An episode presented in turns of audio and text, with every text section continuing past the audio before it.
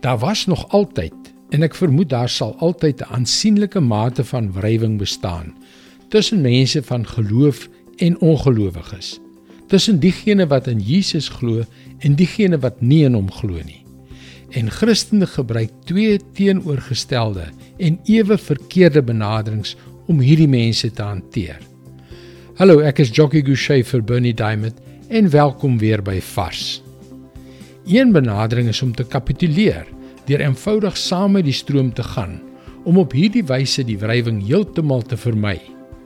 Die ander benadering is om terug te beklei met diegene wat ons geloof teestaan deur hulle metodes en tegnieke te gebruik. Ook heeltemal verkeerd, nê? Nee. Ek het nou die dag 'n spotprent gesien van twee ouens wat na Jesus staan en kyk waar hy aan die kruis hang.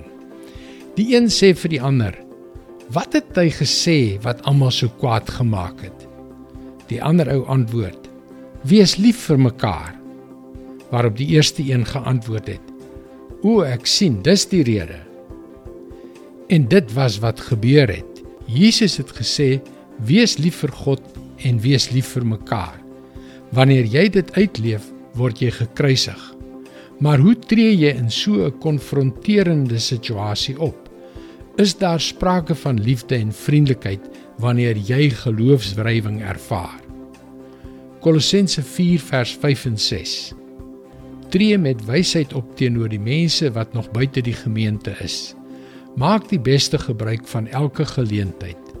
Wat jy sê moet altyd vriendelik wees en van goeie smaak getuig. En jy moet weet hoe jy elkeen behoort te antwoord.